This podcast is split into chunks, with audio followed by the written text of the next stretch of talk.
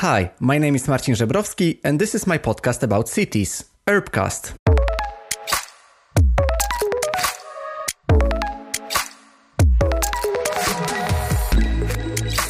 Hi, and welcome to the newest episode of Urbcast, my podcast about cities, urbanism, architecture, urban planning, development, and also people and today I want to focus especially on people. I want to talk about the Urban Future Global Conference, which is, I would say, one of the biggest conferences uh, in Europe about the cities, about sustainable development, about smart cities, and in general about sharing the ideas behind the, how should, how the cities should be created and managed. And I'm very happy to talk to Gerald Babel-Sutter, who is the co-founder and CEO of Urban Future. Gerald is responsible for this whole crazy roller coaster journey that the urban future was so far. He is connecting passionate people who make cities sustainable.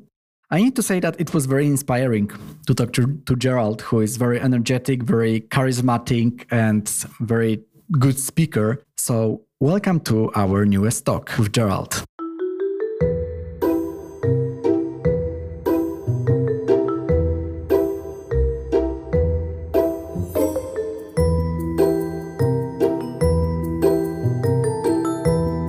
Welcome to, to Urbcast. Marcin, thank you for having me. I'm uh, very, very happy that you accepted my invitation. Probably you might be very busy with many activities being organized in, in Urban Future, but we'll come back to that. Before we start with the main topic, I wanted just to ask you to introduce yourself shortly to the listeners. Well, my name is Gerald. I'm CEO and co founder of uh, the Urban Future.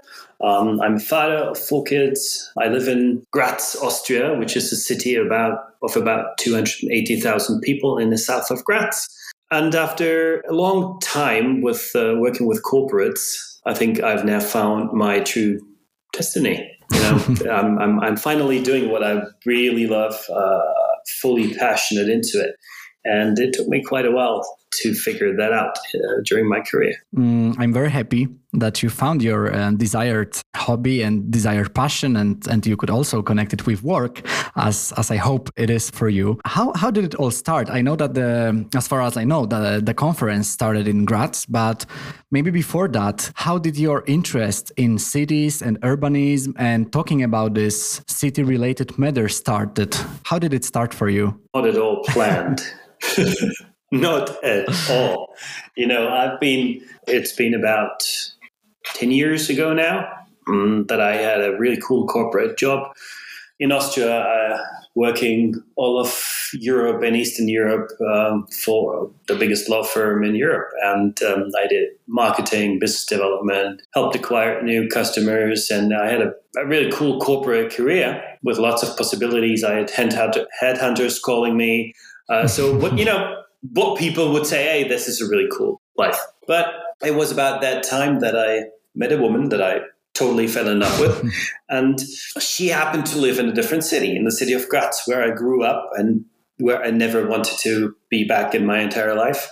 So at one point, I needed to make a decision. She had uh, two kids in school, uh, so she wouldn't move. So I had to make a call. And eventually, I decided to change my life. And I um, I quit my job. I moved to this boring city of Graz, or what I thought would, would be the boring city of Graz. And uh, there I was looking for a new job. And I had very clear goals of what I wanted to do, you know, international firm and uh, executive position, blah, blah. And um, it just took me for longer than I thought uh, to actually land a job. So I helped out in in a friend's company. You know, he, she asked me, you know, you got free time, you have consulting experience. Could you help me uh, on the project for the city? We're working on the project. I need a project manager who, who, who can kind of structure the whole thing. I said, sure, why not? Sounds interesting.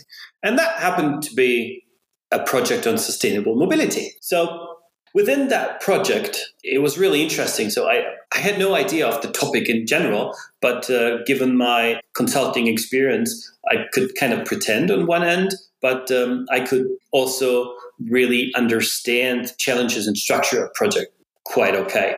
So At one time during the project, we had drinks with the people from the city, with the project team from the city, and the project manager. He said, Gerald, you know what? I really cannot hear the word smart city anymore. this is all bullshit. And I was there and said, okay. And as the conversation kept going, he really talked a lot about what he meant with it. And he said, well, smart city is basically an idea on, that technology solves every problem when it comes to sustainability. And it is focusing the conversation on what should be done. And he thinks that the what question is not the issue for a city. Because if you're a, working in a city or for a city and you want to make your city sustainable or decarbonize your city, the what question is obvious. Pretty much everybody knows, okay, we need to address uh, traffic, we need to address mobility, we need to address energy consumption, uh, consumption, and we need to address construction. And that would make a huge difference. So he said, in the end, the question is how? How on earth are we going to do this? without, you know, failing. So we took this home after after that meeting and it was interesting. It kept working with us, within us, and we came up with with this proposal. And we told them, "Listen, what do you say if we take your project and we're looking for similar projects from similar sized cities anywhere in the world who tried to do what you're trying to do, and we we invite the project managers from from those projects. And we let them talk about all the things that did not work when they tried to do it. So we didn't want to have the polished marketing best practice, whatever write ups. We wanted to have all the things that nobody would ever write in the report because all the things they fucked up or didn't work. And they loved it. They said, oh, that would be like really helpful. So we started to develop a workshop for them, strictly for the team of maybe 15 people from, from our client. But the thing was, they started to talk about it with other cities. They, you know, and we got calls from other cities in Austria, from Vienna, from Salzburg, from Linz, and they said, "Oh, we heard about that workshop you were doing. Is there a way we can maybe send a couple of our people to to listen in?" Um, and we were like, "What the hell? You know, how do you even know?" And at one point, we, to be honest, we, we got more annoyed with all the people calling us uh, than than with the event itself. So so we said, do you know what? Let's talk to the client. Maybe let we, we can make this a public thing, and then we just throw out an event an Eventbrite thing, and people sign up and good. And they said, yeah, they don't mind. So we did that. Uh, we rented a slightly bigger room. We threw it out on Eventbrite and thought that was it. But it wasn't it.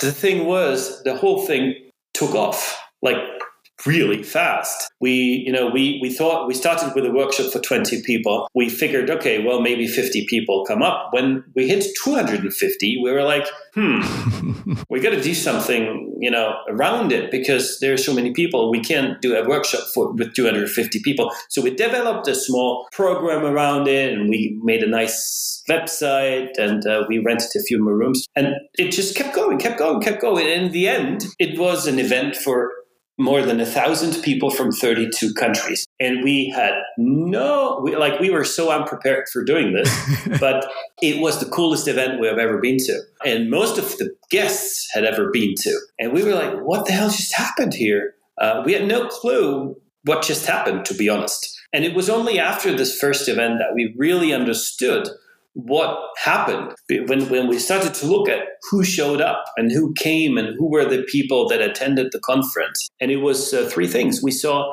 people would come from any discipline. You know, people there were, there were people with energy backgrounds, mobility backgrounds, architecture backgrounds, engineering backgrounds, uh, and so on. It was 30 different fields. We saw people who come from any organization. They would come from municipalities, yeah, but they would they would also come from from small businesses, large businesses, multinationals, NGOs, research organizations, civil organizations. There were even, you know, some civil activist activist groups um, who, who participated. And the third thing is that we saw is people who come from any, let's call it hierarchy level. So we had mayors and deputy mayors there. Uh, we had board members, CEOs of companies. We had just regular people who work somewhere in sustainability on some sustainability project or a professor interested in sustainability or a student working on a student project and anything in between. And we were there and said, this is like everybody.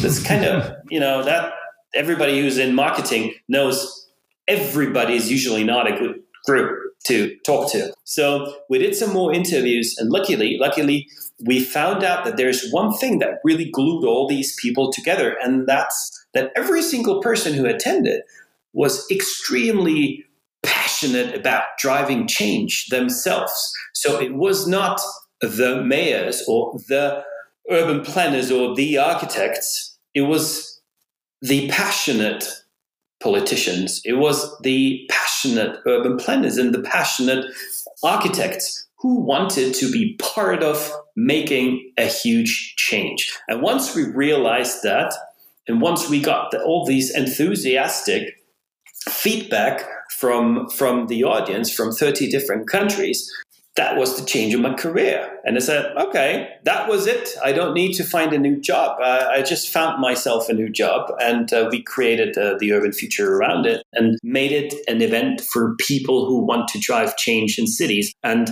it kind of took off. Our last event in Oslo, um, we got more than 2,600 people from 58 countries together, and all they do is talk about how to drive change in cities. And the fun thing is, you know, you have so many. Yeah, if you look at news these days, uh, you've got all shitty news. Uh, it's not very upbeat, to be honest. Uh, in particular, since COVID came out, but even before, not really good news.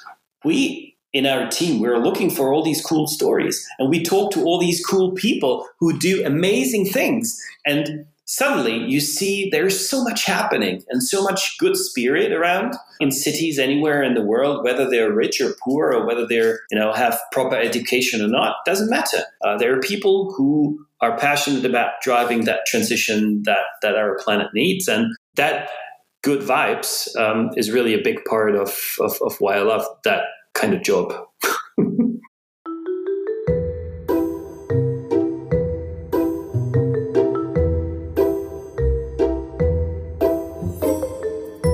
Gerald, you answered like my three following questions that I had. Oh, here we go. Are we done yet?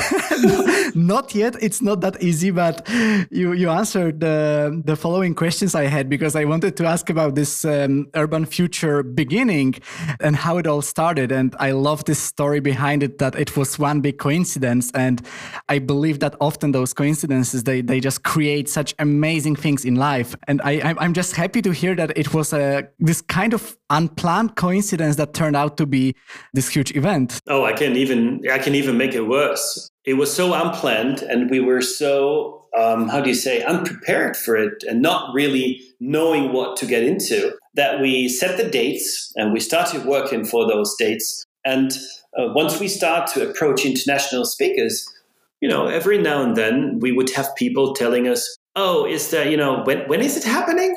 And we gave them the dates, and they said, isn't that the same date as Barcelona? And, uh, you know, the first time in the meeting, we were like, yeah, it is. And they said, okay. And after the second and third time it happened, I went back to the team and said, hey, what the fuck is happening in Barcelona? Um, and and my my colleague she, she she came back and said, "Oh, Gerald, this you know this seems to be the biggest smart city event in the world." And we're like, "Oh, that might be a problem."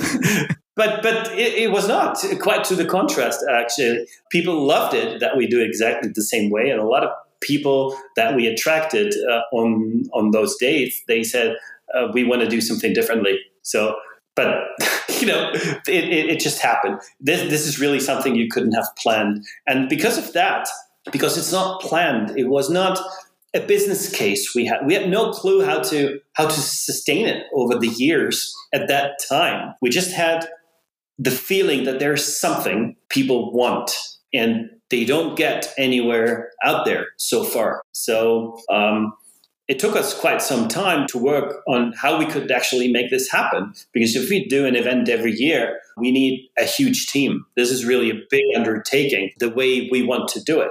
So, uh, so we need a team of you know, currently we're about 10 people working full time on making uh, the Urban Future events happening. I think it was a perfect timing. And here I would like to put a, a, date. When was the first event? So, when was this kind of big surprise that turned into this huge event? When was it? Was it 2015? It was actually 2014 that we had the, the first event here in Graz. We did another one then two years later, also in Graz. And that was already so big that we kind of maxed out the city. So it was, uh, we, we didn't get any hotel rooms anymore. And it was very difficult for our international guests to even get there. The flight routes to the city of Graz, uh, they have been in a monopoly from the Lufthansa group. So the prices were like astronomical. So we figured we have to you know move somewhere else and then other cities keep approaching us and then it became an annual event and then it was like vienna uh, in 2018 and then oslo in 2019 and uh, subsequently it was supposed to be lisbon in portugal and rotterdam in netherlands but unfortunately those go corona the way Yes, exactly. And that's that's why I wanted to talk to you so much because I was hearing a lot of positive things about this conference back in Oslo. I, I've heard like tons of people from uh, all the sustainability and urbanism field uh, attending this conference. Some of my friends just sharing some extremely interesting and amazing stories. And I was completely bought in. I bought my tickets to Lisbon and I was extremely happy to see you, to see all the other participants, to, to see the whole team and just to attend such a huge event. And then, of course, Corona came.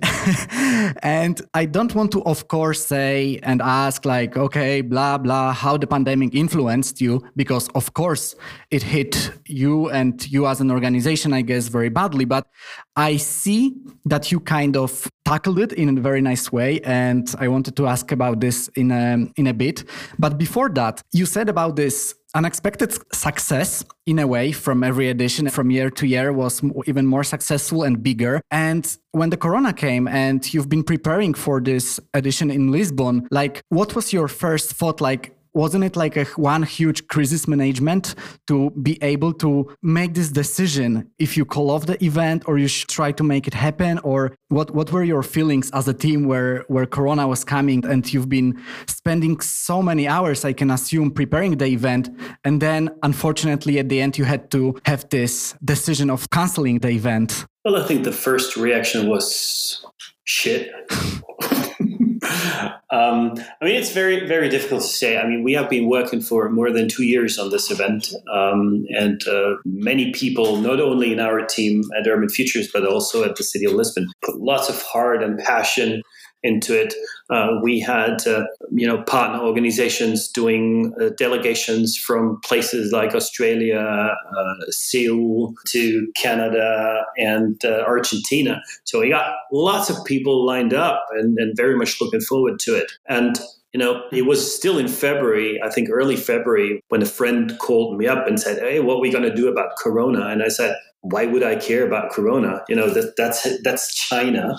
And I had, I, had no clue, to be honest. And then things developed so rapidly in Europe that when we, when we grasped this, when we really understood what the hell is going on and, and, you know, projecting this forward, luckily we had great support from the health authorities in Portugal. And even though Portugal at that point had two people infected, two. That was early March, and the event was supposed to be start on April 1st. They said, even though we have two people now, we can expect by April 1st to have about 3,000. And we can expect pretty much any country in Europe being in a lockdown. So that was not really an option whether or not to move forward or not. So the first thing is we let everybody know, unfortunately, that the event is not going to happen due to this crisis. We had no no idea how you know how this would turn out in the end for us as a team. It was very tough because that meant that we have been working for a year. All the sponsors and all the ticket holders, um, you know, at least all the sponsors and partners wanted their money back. The exhibitors, they didn't pay anything. Uh, so we had basically no income. Uh, luckily, the community, you know, after the first week of horror, we saw that there is actually a community who wants us to be out there. And we had more than 50% of people who already held tickets they said, fine, you know, keep the money. We um, we come to the next event with it, and that you know that helped us through in big parts. Also, the partnership with Lisbon, they were an amazing partner in it. Uh, they they were not in it for you know the quick thing. They wanted um, a long term effect, and uh, they were a strong partner. They helped us a lot in surviving that. And basically we then started working on, on, on, the next event in rotterdam we knew that it's not going to work to reschedule this event in that year and it turned out to be a correct assessment. There would have been no way to do this event in 2020 so we focused right away on rotterdam in 2021 you know with with such a strange environment of covid nobody knows what you know what's going to happen. The regulations are changing every week whether people can meet or not and where and under what circumstances. So we actually planned six different setups for the event in rotterdam until eventually in late december we decided to postpone it uh, because the risk was getting too big you know, doing an event of that size is an investment of more than a million euros. And we would have to do that investment without knowing, you know, is anybody able to come? Is anybody allowed to come? Is anybody willing to come and get together? So we postponed it into 24. But um, it was a tough time for the team, you know, because you, they have been working on this moment for a long time. And then it got shattered. And then after a week or so, we said, okay, let's get up, let's get back on the feet, and let's work on on Rotterdam on the next event. And we work and work and work and work, and, and, and things develop and take in shape, and then it's shattered again. Uh, it is, you know, that, on the personal side, this is really demotivating, you know, because you never see the outcome of your work.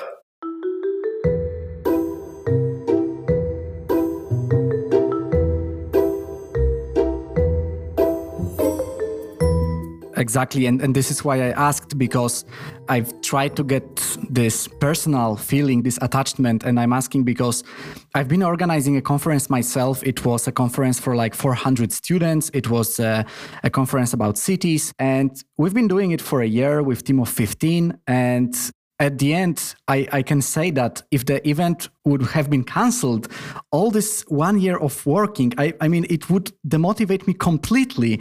But you were strong and uh, you just changed the format of the conference. And here I would like to say a bit about this brilliant formula that you came up with. So you kind of started to rebranding the urban future.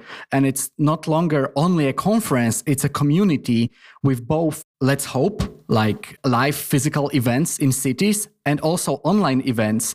So maybe let's start first with the physical events because you are of course planning the future congresses as well, the future gatherings, and one of them the next year will be in Sweden and I will do everything to attend it. It's so close from Copenhagen. But please tell me like you've been you've had so much demotivation in a way and also so many problems challenges with covid. And how was to plan one more event that is due to happen the next year? And also you've planned many more events for the next three years i think. So how is this setup working for you?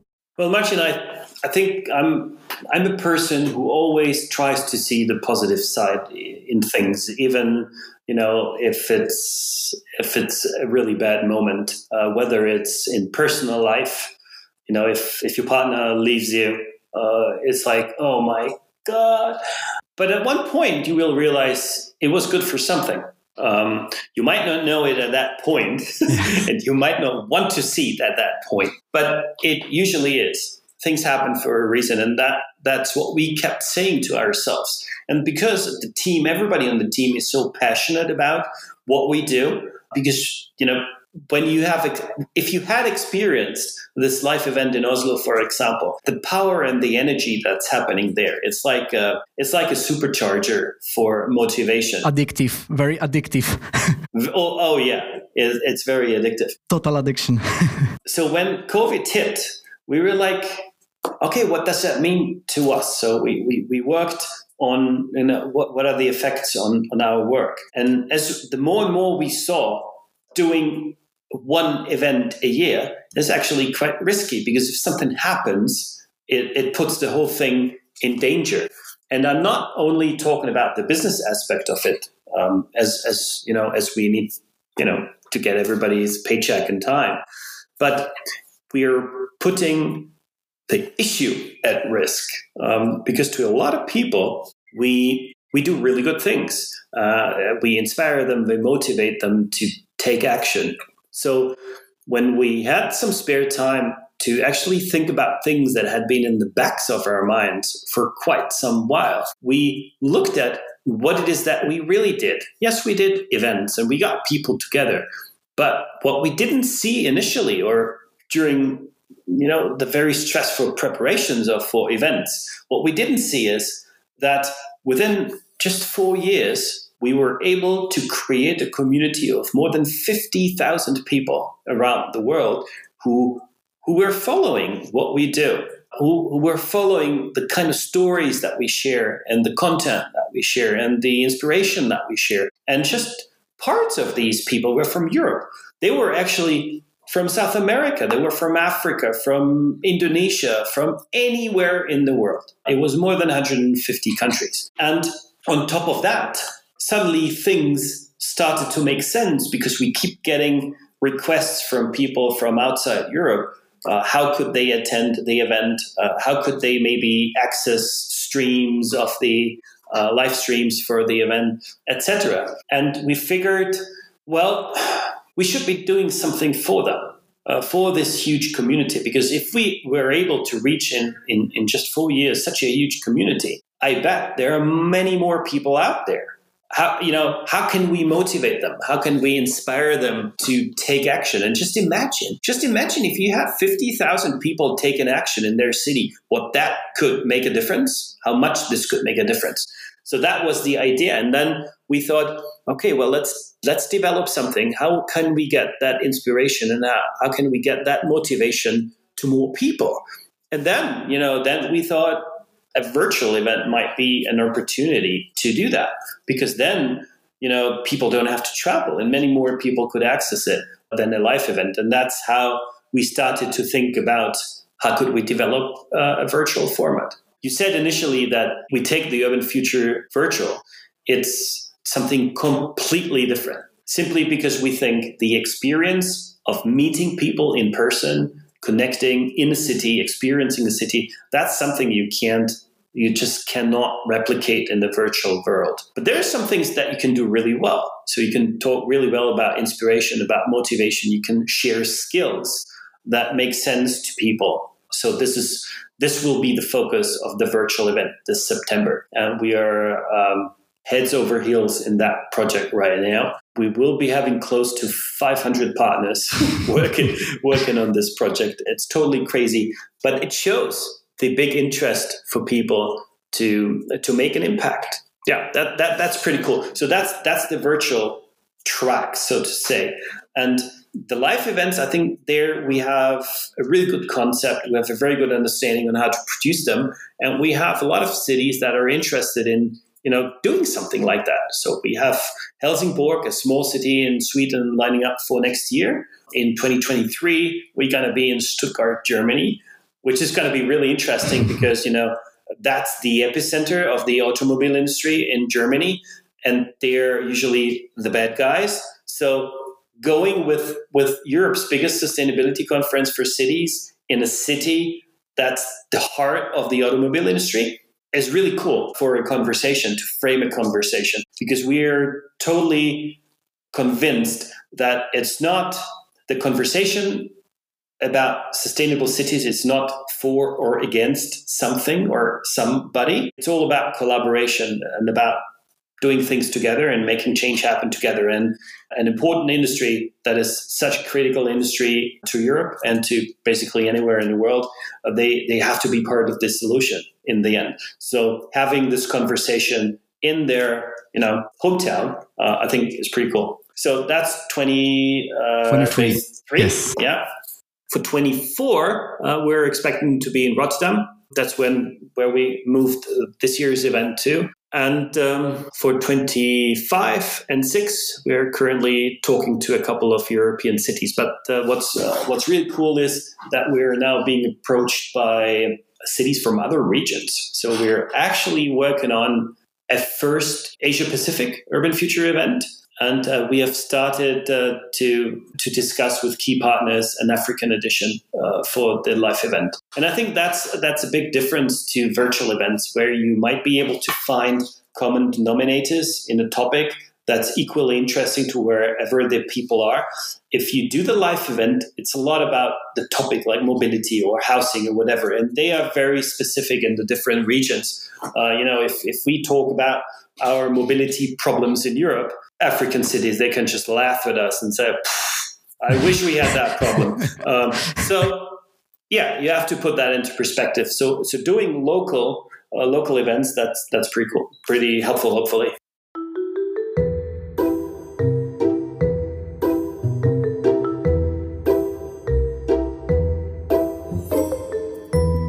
You said that you've started with a vast variety of the guests who who attended the, the conference. Yeah. And I hope that it will stay the same. So there will be many different people from many different fields. And I just wanted to ask, just thinking uh, from a perspective of a listener and someone who might have heard about you, but maybe haven't attended the, the one of the events yet. What can I expect and how could I get involved? I know that you also target uh, some uh, young leaders. And if there are some young people listening to us, how can they get involved? So, what, the, what are the opportunities out there for someone who would love to get involved and meet people, make difference? Well, there are many opportunities. Um, I mean, the live events naturally are a great meeting place for people of any any background, and uh, that's what people are using to. But um, on top of that, in September of this year, we're going to launch um, a virtual platform called citychangers.org. It's currently in the making, and that's where we want all of our community to share their know how on how to drive change. And it's very much focused on the question of how do you do things and not what to do. So if we, for example, talking about how do I introduce a pedestrian zone, for example, in my city, it shows exactly step by step where to start, where to keep going, what are the critical issues, what are the mistakes you can do, what are the stakeholders uh, you should get involved, etc. Very practical, very hands-on, and with the input of practitioners from all around the world. And it's very much community driven. So people who actually do this share this openly. So this could be a very good opportunity for for people who want to get involved to connect with peers anywhere in the world. So that's that that's one. And um, other than that, I think people should always do what they love and what their passion is for. So if you start looking, uh, you find people everywhere. You find them in your city, you find them in your networks, you find them on LinkedIn or Facebook, Twitter, wherever. You find them in your university, and um, yeah, it's so easy these days to reach out to people and, and, and start a conversation. And it's most of the time it's doing the first step. just, you know, just go out and do it. That's what I'm trying to do with my podcast. That's why we are talking. And and I'm I'm very happy that you shared all this um, knowledge and and all this uh, I mean, that was a crazy ride for you. I can, I can, I can't just imagine. Like, how was it for you to to to have this initial success, and then the COVID hits, and then you are just, you know, fighting with it and and trying to get back on your legs and continue. And and and and that's that's brilliant. That's that's to me like a, a success story. And I'm very happy that that you are sharing all this. So one more time, I wanted just to emphasize that I hope that we will be able to meet in Sweden and in and in other cities as well. And yeah, I mean to to summarize it in a, in a way, I would say that you are like a very special community driven conference. It's it's not only an event. It's it's not only event organized by some company. It's uh, it's based on the on this community, and that's I think extraordinary in this. I think this is what what it makes really really unique. You know, we did not start with the business model and then said, okay, this is what we need. We're not and tech expo that's trying to sell um, you know square meters. This is this is an event or a group or a community with a mission. We want to change cities. We want to make better cities and we want to find ways so that we can hopefully somehow turn around and rescue this planet before it's too late. And with that passion in place a lot of things happen with the you know just because the right people are joining together. We tend to attract the right kind of people, the right kind of companies, the ones with, with the shared mindset. And that makes it so um, so great to be right in the middle of it because people just come. You know, they they're attracted to to it, um, and uh, we see this happening when we're looking for speakers. For example, the the program in Lisbon was co-created by more than 500 people that provided input, shared ideas, shared stories, uh, got suggestions of, of potential speakers and topics, and they're so much engaged with, you know, so passionate themselves that, you know, it's hard not to be happy about it. Yes. so we are. So so we so we are happy and trying to find ways uh, to to help this community uh, help them get better, help them get more effective, and, and, and be better change makers. Oh, yes, that's true. The number of great and knowledgeable guests was almost overwhelming. It was such a group of inspiring people that, that I really regret not attending this. But let's go further. Let's let's think about the future. And I think that was a very nice summary, a very nice closing statement. And let me just move on to the last uh, part of our talk because I would I would really like to ask you for um, some book recommendation. Would you Would you have one? Oh, that's a long list. it can be too. it's a long list, but but I think what I really like, um, a book that that I really liked is a book by a very interesting person that had been guest at our first Urban Future, Benjamin Barber. Um, unfortunately, he died in the meanwhile, but he wrote a book, uh, "If Mayors Ruled the World," and it's basically about the power cities have in driving transitions. And I think he couldn't be more right because that's something that we see right now happening anywhere in the world. We have cities, big or small, making decisions independently from their national governments. Uh, they're taking the lead, they collaborate on the international, across borders. Without not so much politics as it is on national level. You have American and Russian cities collaborating as it is with uh, Brazilian and European cities collaborating on huge things. And the impact that even cities can have is substantial. So that's a book I, you know, I can suggest to anybody because it also shows that even if you're small, uh, you, you can do things, uh, amazing things and there are no limits to what you can achieve. That's a book that I have on my reading list, and now I think that when you just so passionately shared this these ideas behind this book, I will just read it very very soon. And of course, I will add this um, this book in this uh, in the episode description because I've heard also that it's uh, extremely interesting, and I I would just uh, also uh, recommend it to the listeners. And before we finish, I wanted also to ask where people, where listeners can find your work, where can they sign up for the events, where can they be a part of, of Urban Future? Well, we have the Urban Future website, which is um, urban-future.org. It is a pre- preliminary website. We're going to launch with a huge new website and campaign on July 1st. So keep that in mind, July 1st. But you know, you can also look at our social media channels on LinkedIn, on Facebook, on Instagram, on Twitter. You could also look out for my personal profile on LinkedIn where I share a lot of things. It's a great community of people. We share things and stories. So social media is a good place these days if you know what you're looking for. yes, we've been kind of forced to turn on this uh, social media mode and uh, online mode, but I hope we will get back to the physical communication, to real life, and uh, talking to other people. And I hope that it will be possible to happen in Sweden next year. And I hope to see you there. And for now, I wanted to thank you very much, Gerald, for our discussion. Thank you. Thank you very much. Well, Marcin, thanks for having me at the show. And um, we see you in Helsingborg.